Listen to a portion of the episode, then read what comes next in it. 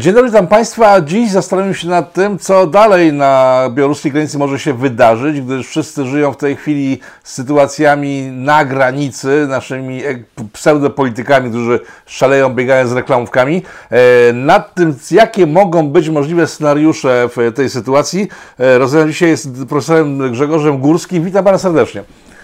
Kłaniam się uprzejmie. E, co się może wydarzyć? Bo są różne scenariusze e, na przyszłość. Może być deeskalacja, eskalacja, jak Pan widzi możliwości na przyszłość wynikające z tego, co się dzieje na tej granicy polsko-rosyjskiej de facto. No myślę, że najgorszym byłoby takie przyjęcie, że w tej chwili to, co obserwujemy, to jest cel sam w sobie, że to jakby cała ta rozgrywka się sprowadza do tego, żeby pan Łukaszenka zarobił parę dolarów przy okazji tego szmuglowania ludzi e, z Bliskiego Wschodu.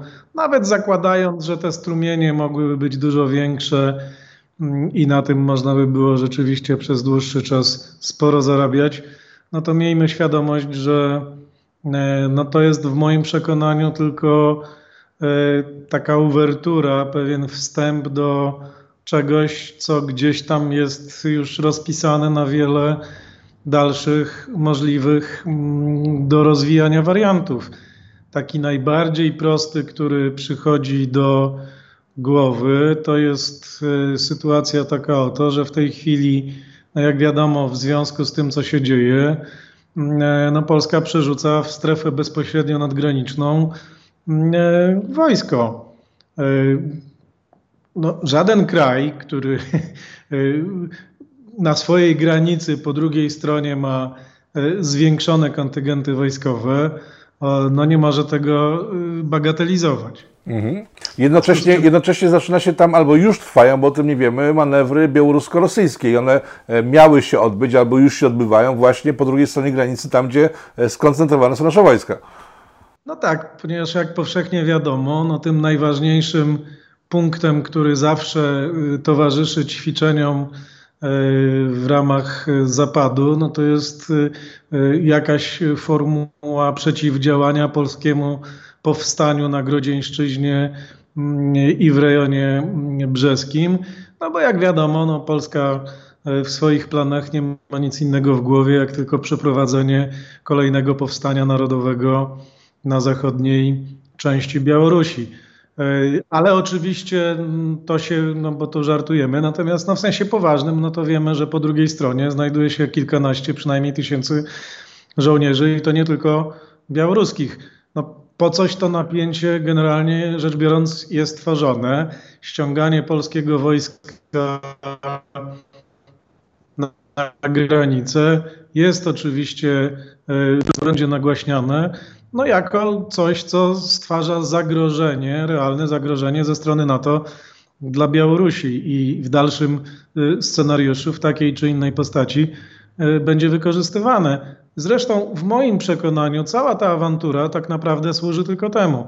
Znaczy służy właśnie temu, ażeby zmusić Polskę do mm, przerzucenia tam na tyle dużych y, sił zbrojnych, ażeby uzasadniało to mówienie o tym, że oto NATO i Polska wprost stwarzają zagrożenie dla Białorusi, e, no co oznacza uzasadnienie dla e, zwiększonej obecności wojskowej Rosji na terenie Białorusi, no bo przecież wiadomo, że w takim razie sojusznikowi trzeba pomagać, no ale też po drugie tworzy przestrzeń do tego, ażeby pan Łukaszenko wykonywał e, to, co nazywamy w doktrynie wojskowej uderzeniami wyprzedzającymi, to znaczy, żeby doprowadzić do sytuacji takiej, w której będzie mógł mieć uzasadnienie do tego, żeby taką czy inną formę prowokacji, no nazwijmy to gliwickiej, na tym czy innym odcinku przeprowadzić. Mhm. Ale co, Polska jest zagrożona takim atakiem, e, Pana zdaniem, w tej chwili, czy to będzie inny kierunek?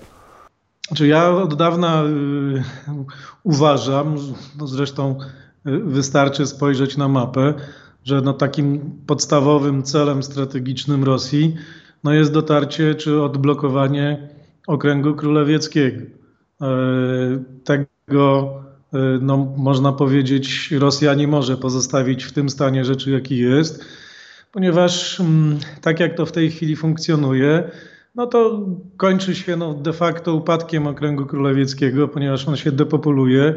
No, popada w różne tarapaty gospodarcze. Zresztą tutaj także można powiedzieć, ta blokada małego ruchu granicznego spowodowała z Polską no, bardzo duże konsekwencje dla tego, jak się żyje i jak się rozwija biznes ogólnie w okręgu królewieckim. Więc z tego punktu widzenia no, Rosja sobie może pozwolić na pewne tego rodzaju problemy na Dalekim Wschodzie, na opuszczanie gdzieś tam na dalekiej Syberii, na Kamczatce pewnych y, y, rejonów, bo jakby logika utrzymania mm, tej przestrzeni tam jest inna. Natomiast no tutaj y, no to wiadomo, że tworzenie takiej próżni, takiej przestrzeni no kompletnie bym powiedział pozbawionej czegokolwiek poza wojskiem i rodzinami wojskowych, no stanowi olbrzymie, olbrzymie zagrożenie dla przyszłości utrzymania takiego takiej przestrzeni w jakiejś spoistości ze swoim własnym terytorium, więc no trzeba się tam e, dostać, ale dostać się do Królewca, no to przecież wystarczy spojrzeć na mapę, że to, to, to, to się nie, nie, nie, nie realizuje przez przesmyk suwalski, tylko najprostsza droga wiedzie przez autostradą e, przez Wilno i przez Kowno. E, I to jest droga najprostsza, najkrótsza i najłatwiejsza do sforsowania, no bo no tam nie ma jezior, nie ma generalnie rzek, nie ma przeszkód geograficznych. No a poza tym strzegą tego pewno ze dwa bataliony y, dzielnej litewskiej piechoty plus y, nieuzbrojony batalion NATO, który udaje, że wspomaga te dwa bataliony litewskie. No trochę tutaj oczywiście trywializuje, no niemniej no, z punktu widzenia siły militarnej mniej więcej tak to wygląda, więc wyrąbanie sobie tej ścieżki dojścia do, mm, do Królewca y, po tej, po tej linii no jest rzeczą, bym powiedział, najprostszą, najzupełniej oczywistą i leżącą w najdalej idącym interesie Rosji, a no Białoruś jest tutaj narzędziem, więc no pyta, powstaje pytanie, na ile to, co się dzisiaj dzieje w dłuższej perspektywie mm, czasu nie ma służyć przygotowaniu gruntu do tego typu operacji. Przy czym mówiąc o dłuższej perspektywie, z punktu widzenia tej dynamiki rozwoju wydarzeń, z jaką mamy dzisiaj do czynienia, no to już nie jest liczenie na pewno w latach, ale w miesiącach, a kto wie, czy nie w tygodniach. Mhm. E, w analizie, którą publikował Pan na swoim profilu na Facebooku, mówi Pan o tym, że e, Białorusi nie ruszą Polski, bo Polska jest zbyt mocna jednak dla Białorusów, jednak przejście przez Litwę nie jest dla nich żadnych problemów, to Pan przed chwilą powiedział. E, no dobrze, ale Litwa, Łotwa, Estonia są w NATO i co NATO NATO zrobi? Pana zdaniem. No, najpierw będą się zbierali, co troszkę zajmie, ponieważ będą próbowali ustalić, czy pan prezydent Biden mm, jest dostępny, dostępny. Y, będą czekali na impuls, ale pan prezydent Biden będzie się zajmował mm, rozmowami z talibami, żeby tych tysiące Amerykanów jeszcze mu łaskawie pozwoli, pozwolili wydobyć i to będzie interesowało amerykańską opinię publiczną, a nie to, co się tam dzieje pod Wilnem czy już w rejonie, e, w rejonie Kowna. E, poza tym, no tak naprawdę istotnym elementem stanie się to, żeby znaleźć formułę e, wynegocjowania kolejnego korytarza humanitarnego, żeby dzielne bataliony NATO stacjonujące również na Łotwie i Estonii wyewakuować, a żeby przypadkiem ci dzicy i nieokrzesani wojownicy Łukaszenki nie doprowadzili do jakichś nieobliczalnych skutków. No, łatwo sobie wyobrazić taki scenariusz, a dzisiaj, no, gdyby ktoś jeszcze o tym mówił miesiąc temu, no to mogłoby to brzmieć jak mrzonka, jak jakiś y, scenariusz, który nigdy się nie ma prawa zdarzyć. No ale po tym, co widzimy w Afganistanie, po tym, jak reagowały na sytuację władze Stanów Zjednoczonych, ale przecież nie tylko, bo wystarczy zobaczyć to, jak przebiega dyskusja w Niemczech. Mm, y, trochę lepiej się zachowywali tam i zachowują w tej chwili Francuzi i Brytyjczycy, ale też w pierwszej fazie można powiedzieć y, niekoniecznie dużo inaczej niż, niż Niemcy czy Amerykanie. No to można też zaryzykować twierdzenie, że dzisiaj ten scenariusz y, wcale nie jest taki niemożliwy no a przecież ten, który pociąga za sznurki, to wszystko widzi i, i, i jakby to powiedzieć, ma wystarczająco dużo instrumentów, ażeby e, przekonać rządy, które dysponują tymi batalionami, do tego, żeby no, w ramach deeskalacji sytuacji po prostu bezpiecznie ewa ewakuować na teren Rzeczypospolitej, który no, na razie będzie bezpieczny. Mhm. Czyli co sugeruje Pan, że znaczy nie, w, tej, w tej teorii, którą Pan przedstawia, e, Pribałtyka jest stracona, tak? Że jest, jest ogromne ryzyko, że w ciągu najbliższych paru miesięcy e, stanie się to, co w Afganistanie, czyli Rosjanie wkroczą za sprawą Łukaszenki, albo zostaną poproszeni przez Łukaszenkę, albo wręcz przez Niemców o to, żeby stabilizować sytuację. Dobrze to rozumiem? No, trzeba patrzeć na politykę Rosji tym, w tym, że tak powiem, z tym historycznym e, oglądem. E, Rosja potrafi przyciągać uwagę, koncentrować uwagę na pewnych bieżących sytuacjach, przygotowując już wiele wariantów dalej idących, różnych rozwiązań, ponieważ mm, e, po pierwsze zawsze to służy temu, żeby posługując się takimi groźbami, łatwiej uzyskiwać cel bieżący. Jeżeli dzisiaj eskalowana jest sytuacja na Litwie i w Polsce, to poza tym, że w dalszym horyzoncie ona może się rozwinąć w, tej, e, w tym kierunku, o którym mówię, to niewątpliwie też świadomość tego, że Rosja może zagrać tymi kartami, powoduje, że tym łatwiej będzie jej dzisiaj uzyskać interesujące ją rozstrzygnięcia dotyczące Ukrainy. I w tym sensie no, no trzeba to widzieć, tak? Oni mają to zwykle rozplanowane na 4-5 następnych kroków, y, czego problem polega rzeczywiście na tym, na Zachodzie mało kto to jest w stanie zrozumieć, ponieważ to są ludzie, którzy Rosji nie znają, nie mają z nią doświadczenia i zwykle podchodzą do Rosjan no, z jakimś takim bagażem naiwnej nadziei, że Rosję się uda mm, jakoś tam zaspokoić, realizując jej bieżące żądania. No, tak z naszej historii, jak prześledzimy rozwój sytuacji między 1941 rokiem a 1945 rokiem i to, jak e, Churchill i Roosevelt rozmawiali e, ze Stalinem w sprawach polskich, no to właśnie tak było. No, najpierw była ze strony angielskiej i amerykańskiej pełne przeświadczenie, że w zasadzie maksimum tego, co Stalin oczekuje, to jest linia Kerzona. Więc no, oni w ogóle nie brali pod uwagę tego, że y, aspiracje Stalina mogą sięgać łaby, a że rząd ma być komunistyczny w Polsce, to już była w ogóle najdalej y, idąca, upiorna perspektywa, której by się musieli sprzeciwiać. Jak polecieli do Teheranu, no to rozmawiali o granicach, wydawało im się, że załatwili temat, po czym się ze zdumieniem y, dowiedzieli, że Stalin chciałby rządu w Polsce, jak już się y, swojego i jak już się z tym pogodzili, to się okazało, że chodzi tylko o Polskę, ale przecież jest jeszcze, jest, są jeszcze Węgry, jest Rumunia, Czechosłowacja. Więc w tym sensie no, po prostu nie nadążali y, za tymi planami, które on miał rozpisane tam na siedem następnych kroków.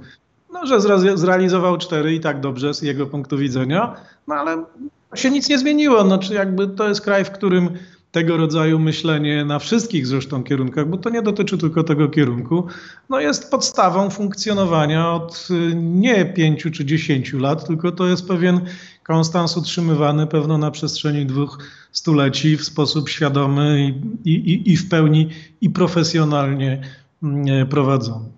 Ale scenariusz, który Pan przedstawia, jest y, docelowo y, jedną wielką klęską Unii Europejskiej, bo najbliższy sojusznik Rosji, czyli Niemcy, e, nagle będą musieli się wytłumaczyć z tego, że stracili trzy państwa e, unijne, tak? To jest Litwa, Łotwa, Estonia. E, jak zareaguje opinia publiczna europejska, Pana zdanie, na ten, na ten aspekt? A znakomicie, dlatego że po pierwsze będzie panowało przeświadczenie, że no pozbywamy się problemu w sytuacji, w której no przecież każdy wie, że tego się nie da obronić. Więc po co bronić czegoś, co się nie da obronić, wydawać na to pieniądze i udawać, że możemy to w dłuższej perspektywie czasu utrzymać, skoro te perspektywy są beznadziejne. Po drugie, e, no proszę też pamiętać o tym, że oczywiście to nie będzie polegało na tym, że Rosja przynajmniej na tym etapie stworzy z Litwy, Łotwy i Estonii y, Litewską Socjalistyczną Republikę Rosyjską, czy jak to tam byśmy sobie nazwali. Rosja, jeśli będzie chciała ten scenariusz realizować, to na pewno zaproponuje, że będą to te przestrzenie, na których państwa zachodnie, ich firmy będą mogły znakomicie kontynuować swoje interesy, bo one przecież tam jakieś swoje interesy mają, że Rosja przecież nigdy nie miała nic przeciwko Unii Europejskiej, więc nie widzi żadnej przeszkody w tym, żeby Litwa, Łotwa i Estonia dalej do Unii Europejskiej należały, ba, nawet może w tej sytuacji mogą sobie tam należeć do NATO, ale tak na wszelki wypadek niech tam stacjonują wojska rosyjskie, no bo przecież nigdy nie wiadomo, co znowu Łukaszence może przyjść do głowy, a najlepiej w sumie zabezpieczą to wojska rosyjskie. Otworzą swoją przestrzeń jeszcze bardziej na robienie interesów poprzez Litwę, Łotwę i Estonię, czyli no, dadzą wiele takich elementów, które po, po prostu pozwolą rządom zachodnim powiedzieć, no słuchajcie, no w sumie to my zrobiliśmy świetny interes, bo zrzuciliśmy sobie z siebie ten ciężar, to jarzmo, a właściwie ilość korzyści, które trzymaliśmy i możliwości, dzięki które, znaczy, które powstają dzięki temu rozwiązaniu, bo łatwiej wejdziemy na te wspaniałe perspektywy funkcjonowania na, na rynkach wschodnich, no to są więcej warte niż tam trzymanie tych naszych 600 niemieckich dzielnych żołnierzy, którzy zdaje się nawet broni e, broni osobistej nie mają, więc w tym sensie no, to nie jest żaden problem, który, który by powodował, że jakikolwiek rząd na Zachodzie się od tego mógłby przewrócić. E, w zeszłym tygodniu, kiedy padał Afganistan, e, szef spraw zagranicznych brytyjskich poinformował, że muszą przemyśleć swoje sojusze, gdyż e, Ameryka w domyśle e, stała się mało przewidywalna. Wczoraj dosłownie Brytyjczycy zwrócili się do Rosjan w sprawie pomocy wydobycia swoich obywateli z Afganistanów. Jak pan to ocenia? To jest długofalowa polityka czy chwilowe łatanie dziury? Nie, no myślę, że to jest łatanie dziury. No, wszyscy wiedzą, że do tego 31 sierpnia nie da się załatwić tego tematu to tylko pan Biden wczoraj zapewniał, że na pewno wszystko się da załatwić, aczkolwiek powstają istotne wątpliwości co do tego, czy wie, kiedy będzie 31 sierpnia. Natomiast y, z tego punktu widzenia, tak, no, no muszą sobie szukać kanałów. No, na pewno Brytyjczycy nie będą szukali sojuszu, sojuszu z Rosją. Bardziej wydaje mi się, że będą tu szukali I to jest też pytanie do dzisiaj mm, władz Rzeczypospolitej i nie tylko na temat właśnie jakichś prób y, zacieśnienia i współpracy obronnej, ale i współpracy mm, gospodarczej z Wielką Brytanią, i z Turcją, mm, i z Rumunią jako tymi najbardziej oczywistymi partnerami, którzy też w tym regionie e, funkcjonują w strefie bezpośredniego zagrożenia. No tu też Szwecja w pewnym sensie, która jest poza NATO, y, jest istotna także jako odpowiednik wojskowy, czyli taki trochę powrót do tego, co tam kiedyś Francuzi ćwiczyli w XVII-XVIII wieku tego bloku, e, bloku wschodniego. Y, to zresztą miałoby swoją siłę militarną, bo pamiętajmy, że Turcja, Wielka Brytania i właściwie w tej chwili Polska to są y, poza Stanami Zjednoczonymi najsilniejsze w sensie wojskowym państwa y, w Unii Europejskiej. Y, niestety i niemiecka siła, i, i, także po tych zmianach, które przeprowadzono w armii francuskiej, choć ona oczywiście jakiś tam stan zachowuje, to na pewno nie jest porównywalny ten stan armii francuskiej z tym, co reprezentują dzisiaj Brytyjczycy czy, czy Turcy, no to dla nas jest dzisiaj właściwie jedyna forma takiej reasekuracji, którą e, możemy stworzyć i, i, i, i jakoś się e, zabezpieczać i ubezpieczać. I bardziej widziałbym tutaj mm, to, o czym mówią Brytyjczycy, jako idące w tym kierunku. No i też, no można powiedzieć, Brytyjczycy widzą, co się dzieje na linii niemiecko, niemiecko-rosyjskiej, w związku z czym no, będą intensywnie poszukiwać y, różnych form neutralizowania potencjalnych skutków tego, y, w związku z czym no, tu Polska z pewnością będzie też y, kluczowym partnerem, zarówno jako sam samodzielny podmiot, ale także ten podmiot, który ma jednak istotne zdolności oddziaływania czy na Grupę Wyszehradzką, czy na kilka państw z przestrzeni środkowoeuropejskiej spoza Grupy Wyszehradzkiej. Czy to, co się dzieje na granicy naszej z Białorusią, na, na, wschodniej granicy generalnie, można łączyć ze spotkaniem Bidena z Merkel po tym, jak e, został prezydentem i de facto przekazaniem e, Europy całej podwładanie Niemiec z powrotem, bo za Trumpa jednak ten wektor był trochę w naszym kierunku przesunięty. Nie jakoś na 100%, ale jakbyśmy głównym sojusznikiem. E, Biden to zmienił, Niemcy zyskali pełną kontrolę i przyzwolenie USA. Czy działania Rosji są z tym związane, Pana zdaniem?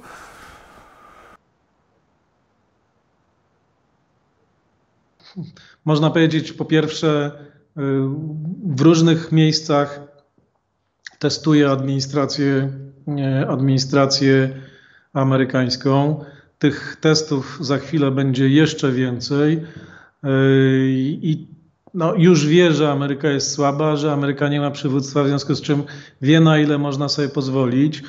Rosja doskonale wie, że Niemcy się zreorientowały, e, ponieważ e, naiwność administracji e, Bidena była tak daleko idąca, że zakładali, że to jest powrót do tej roli, jaką Niemcy pełnili jeszcze przed 2000 rokiem, czyli no, tego leadership in partnership, czyli przewodzenia właściwie Europie w interesie strategicznej obecności Stanów Zjednoczonych. No dzisiaj y, Niemcy mają y, naczelny aksjomat swojej polityki no, wyrugowania Amerykanów ze, swoje, ze swoich granic, no bo trzeba pamiętać, że z pewnego punktu widzenia ciągle Niemcy nie są państwem suwerennym mm, i zarówno obecność amerykańska na terenie niemieckiej w sensie wojskowym, ale także wiele innych instytucjonalnych Mm, powiązań powoduje, że to nie jest do końca państwo suwerenne i w tym sensie ono, no, można zrozumieć takie pewne dążenie do tego, żeby się uwolnić od tych różnych zależności, no ale po drugie też ma inne zupełnie cele strategiczne dla siebie, znaczy to one nie są koherentne z interesami Stanów Zjednoczonych, no choćby jeśli weźmiemy Chiny, mm, to są zupełnie rozbieżne interesy i Amerykanie muszą z Chińczykami rywalizować, a Niemcy muszą z Chińczykami kooperować, bo mają z tego określone korzyści, no i jakby tutaj e, ta rozbieżność jest ewidentna, także na odcinku rosyjskim, już pomijając to, czy to jest sensowne, czy nie jest sensowne, no ale jakby doktryna niemiecka dzisiaj mm, wraca na tory bismarckowskie. Niemcy chcą budować swoją pozycję w Europie poprzez silny alians z Rosją, który daje im e, no, pewnego rodzaju mm, atuty i atrybuty do rozgrywania na poziomie europejskim i możliwość zdyscyplinowania znacznej części Europy. Dla tego celu są w stanie poświęcić na rzecz Rosji część Europy, która pozostaje poza sferą ich zainteresowań, no, czyli na przykład Ukrainę czy kraje bałtyckie, bo one nie muszą być do końca mm, w obszarze zainteresowania długofalowego niemieckiego. Natomiast no, ma wiele tych bliższych interesów, y, chodzi Europę Środkowo-Wschodnią i tutaj jakby przestrzeń do porozumienia z Rosją jest y, znacząca. Natomiast nie ma tej przestrzeni do porozumienia ze Stanami Zjednoczonymi, więc te interesy są tutaj y, w oczywisty sposób sprzeczne. Trump to widział, Trump to doskonale rozumiał, dlatego budował w Międzymorzu przeciwwagę nie tyle dla Rosji, ile właśnie dla Niemiec. I Niemcy to prawidłowo odczytali, chcąc się na siłę dostać, wejść z buciorami w tę inicjatywę, żeby ją wyrwać z możliwości oddziaływania amerykańskiego. No okazało się to niepotrzebne, no bo Amerykanie dokonali wyboru takiego, jakiego dokonali. No i sami siebie, że tak powiem, tutaj y, kolokwialnie rzecz ujmując, załatwili. Tak? Mhm. E, Biden ma strasznie złą prasę, nawet nie chodzi o media amerykańskie, tylko wśród polityków, nawet demokratycznych, e, po tym, co się wydarzyło w, w Afganistanie. E, ten scenariusz, który Pan kreśli, czyli jeszcze utrata w Pribałtyki, może być początkiem końca chyba tego prezydenta. Co się dzieje w Waszyngtonie, bo z tego, z, z tego co mówi Pan i pisze w, w, w wielu miejscach, trwa kryzys prezydencki w, w Waszyngtonie i całkiem możliwe jest, że Biden wkrótce straci władzę. W moim przekonaniu to już jest przesądzone. W tej chwili z jednej strony no właśnie trwa taki proces e, zrzucania na Bidena wszystkiego, co się już da zrzucić e, po to, żeby no jakby zbudować to uzasadnienie, dlaczego się go pozbywamy, e, no ale też pokazać na tym tle, że no ten, kto ma zostać wiceprezydentem, jest nadzieją, że stwarza jakieś szanse wyjścia z tego potrzasku, w jakim Amerykanie się znaleźli. To nie jest zadanie łatwe, no bo już te też kilka miesięcy funkcjonowania wiceprezydent Kamali Harris pokazało, że e, no, jej predyspozycje do pełnienia tego urzędu e, no, są, bym powiedział, o wiele mniejsze niż wbrew pozorom miał Joe Biden, więc ta zmiana no, jest dosyć karkołomna, no, ale ona jest nieuchronna, no, bo też nie da się tego przeprowadzić w inny sposób. Nie da się y, zlikwidować Kamali Harris jako wiceprezydenta, wprowadzić na to miejsce jakiegoś człowieka, który dawałby szansę na przywrócenie przywództwa y, i później usunięcie Bidena, no bo to de facto jest właściwie wykluczone. No, jedyna ścieżka to jest taka, no ażeby właśnie wykorzystując 25. poprawkę Bidena usunąć, to oznacza, że prezydentem zostaje Kamala Harris. No i teraz prawdopodobnie trwają próby ustalenia, kogo tam wprowadzić jako wiceprezydenta, który no by jednak cokolwiek sobą reprezentował, mając też w perspektywie ewentualność taką, że być może się trzeba będzie pozbyć Kamali Harris, bo wystarczy, że wystąpi trzy razy na konferencji prasowej i będzie to samo, co z Bidenem. Więc tutaj no, to jest olbrzymia pętla, którą oni sobie założyli na, na szyję. Y, problem też polega na tym, no, że żeby uzgodnić wiceprezydenta dla Kamary Harris, muszą no to właśnie y, przede wszystkim uzgodnić z republikanami, no bo nie da się tego przez Senat przeprowadzić bez zgody republikanów, bo bez Kamali Harris tam jest, jest 50 y, na 50, więc no, musi to uzyskać, mm, uzyskać zgodę drugiej strony. E, to jest oczywiście moment, w którym można by było rozważyć jakąś, jakiś scenariusz, no nazwijmy to rządu jedności narodowej i takiego odpowiedzialnego zerknięcia na swoje państwo, ale w moim przekonaniu, no niestety demokraci nie znajdują się w tym momencie jako obóz polityczny w tym punkcie, w którym ta świadomość do nich by docierała, a te wewnątrz, e, wewnętrzne kastowe różne interesy, interesiki, które reprezentują określone grupy w Partii Demokratycznej powodują, że ona też, jakby to powiedzieć, no nie działa jako jednolite, e, jednolite środowisko, jest bardzo wewnętrznie skłócone, podzielone. Ono się potrafi scementować tylko jak chodzi o to, o wyeksponowanie nienawiści do Trumpa, czasem do, do, do niektórych republikanów, ale już jak chodzi o konstruowanie e, własnego pozytywnego stanowiska z opozycją w Polsce. Mhm. E, to, co Pan przed chwilą mówił, to jest ta, są te przecieki informacji, nie wiem jak to, jak, to, jak, jak to nazwać, mówiące o tym, że republikanie proponują demokratom własnego wiceprezydenta, czyli w administracji demokratycznej wiceprezydentem byłby republikanin. To jest zgodne z amerykańskim prawem, e, czy, tylko na ile to jest prawdopodobne, bo e, z, z jednej strony mówi Pan o tym, że to nie wygląda najlepiej ta perspektywa, w sensie, że mogę się realizować, a z drugiej strony słychać głosy od demokratycznych senatorów, że oni nie są w stanie podpisywać się dalej pod polityką e, Bidena i Harris, więc w którym kierunku to bardziej pójdzie? No, znaczy myślę, że to jest właśnie problem. Już były dyskusje w zeszłym tygodniu na temat tego, no, że no tak, to można by było nawet szybko tę zmianę przeprowadzić, no ale trzeba będzie się dogadywać z republikanami. No i to jest, zdaje się, ten, ten, ten poziom, ta bariera psychologiczna, która, która ich w tej chwili blokuje. To oczywiście teoretycznie mogłoby się wydarzyć, ponieważ no też trzeba pamiętać, że wśród republikanów są tacy e, Reno, czyli ci, e, jak to Trump mówi, republikanie tylko z nazwy, którzy pewno by się tam gdzieś e, w jakiś scenariusz takiego fałszywego kompromisu wpisali, no bo tacy ludzie jak Rumny czy Murkowski, no to oni tam na pewno się e, e, potrafią, jak to się też kolokwialnie mówi, zblatować i, i, i na jakiś kompromis iść, ale to też by musiał być kompromis, natomiast no, takiego kompromisu prawdopodobnie nie zaakceptuje wtedy znaczna część tych najbardziej radykalnych demokratów w kongresie.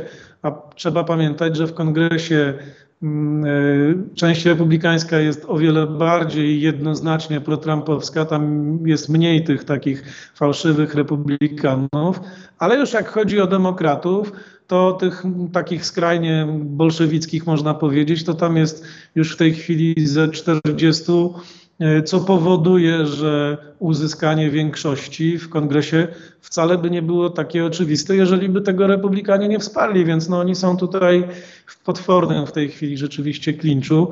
No i wyprowadzenie się z tego no będzie, e, będzie rzeczą trudną. No, przychodzi dzisiaj zapłacić, ja to jeszcze w listopadzie mm, pisałem w takim tekście w, dla, dla tygodnika Niedziela, że E, wszystko, całe myślenie demokratów w kontekście kampanii wyborczej i tego, co robili przez ostatnie dwa lata, było podporządkowanie na wyłącznie jednemu celowi. Usunięcie Trumpa za wszelką cenę. Znaczy podjęli działania, e, no, które wykraczały poza wszelkie standardy e, amerykańskiej polityki. Dopuszczali się rzeczy no, strasznych, włącznie z tymi no, pseudo-fałszywymi oskarżeniami, impeachmentami, no, rujnowali mm, e, polityczne życie Ameryki w sposób zupełnie niewyobrażalny, tylko po to, żeby Trumpa usunąć. No i ten efekt osiągnęli. Tyle tylko, że ta, to, to, ta degradacja życia politycznego, ale też własnego obozu doprowadziła ich do tego momentu, w którym przychodzi właśnie dzisiaj zapłacić wielką cenę. Y, ja prognozowałem, y, znaczy jedyne w czym się pomyliłem, że to zajmie około dwóch lat. No, okazało się, że wystarczyły de facto 3-4 miesiące, żeby te mm, y, i prezydenturę, ale też jakby wszystko, co jest z nią związane, doprowadzić no właściwie do stanu kompletnej degrengolady, degrengolady nieznanej z historii Ameryki, tak? No, to jakby nie mamy w tej chwili dowodów na to, żeby znaleźć w historii Ameryki podobny stan e, degradacji przywództwa tego państwa. No to bym się trochę nie zgodził, bo okres karcerowski był taki. No właśnie na koniec chciałem zadać ostatnie pytanie, e, bo USA były w takim momencie. miały za sobą e, lata, kiedy marksizm e, wybuchnął tam w, w, za pomocą hipisów, sponsorowany przez Rosję zresztą. Dzisiaj mamy te wszystkie BLM-y i też ten marksistowski kurs Antify. Przyszedł później wyjątkowo słaby prezydent, czyli Jimmy Carter. Teraz mamy Joe Bidena i teraz pytanie, wiele, wielu analityków mówi o końcu USA. Czy jest szansa na nowego Reagana, czy to faktycznie jest imperium, które jest e, w fazie schyłkowej. I już no nie uda mu się, już mu się nie uda zrobić takiego manewru jak w latach 80., 70. zeszłego wieku, kiedy potrafiło się z tego upadku podnieść. Przy wszystkich błędach, grzechach tandemu Carter-Brzeziński, bo trzeba pamiętać, że e, no jednak architektem znacznej ilości klęsk, które poniósł Jimmy Carter, no to był niestety Zbigniew Brzeziński, który e, akurat jakoś tak się składa, że w Polsce e, ciągle i właściwie przez wszystkie środowiska polityczne jest apologetyzowany, natomiast no, w sensie tego, tej Cartera no, był bezwzględnie jednym z jej głównych mm, architektów. E, niemniej, niezależnie od tego, jednak Ameryka nie znajdowała się wtedy w takim stanie rozkładu wewnętrznego jak w tej chwili. Ona zewnętrznie sprawiała wrażenie, że jest nana upokorzona po tym, co się stało e, w Iranie, ale nie była jednak tak zdegradowana wewnętrznie. We wszystkich właściwie obszarach życia, no to z czym dzisiaj mamy do czynienia, no to jest jednak kompletna degrengolada życia publicznego, przecież w Stanach Zjednoczonych dzisiaj poziom przestępczości jest tak gigantyczny w miastach, jaki nie był nawet w najczarniejszych czasach e, Wielkiej Depresji, kiedy szalały gangi Al Capone i był ten powszechny szmugel e, alkoholu, który był formalnie zakazany, kiedy rządziły różne mafie, grupy przestępcze w Chicago nie ginęło tyle ludzi, ile dzisiaj przeciętnie ginie e, w ciągu tygodnia. No to jest najlepsze porównanie, choćby od tej strony. No, grasują po ulicach bandy e, bojówek BLM-u czy Antify, które terroryzują ludność już przestaje się to w ogóle odnotowywać nawet, bo stało się to tak powszechnym zjawiskiem, że nikt w zasadzie na to nie reaguje, a jednocześnie czołowi politycy demokratyczni cały czas forsują w tych miastach i, i w stanach, w których rządzą rozwiązania, które powodują ograniczenie możliwości działania policji, ograniczenie jej uprawnień, ograniczenie e, funduszy, e, no, da, tak, także ograniczanie dostępu do broni obywateli, co staje się dzisiaj jedyną możliwością przeciwstawiania się tym gangom, które terroryzują już coraz mniejsze miejscowości. To jest dzisiaj niestety obraz Ameryki, z którym mamy do czynienia. To nie są te piękne wieżowce, panowie, którzy siedzą i tam mm, można powiedzieć, zajmują się głównie tym, żeby tam na Wall Street przerzucić jakieś aktywa z jednego funduszu do, do drugiego, tylko właśnie no, koszmarny los y, milionów Amerykanów, którzy y, jeszcze do tego codziennie słyszą, y, że do 15 to im każą nosić maski, a po 15 mówią, że nie należy nosić masek. No i mniej więcej są w tym takim rozchwianiu także emocjonalnym.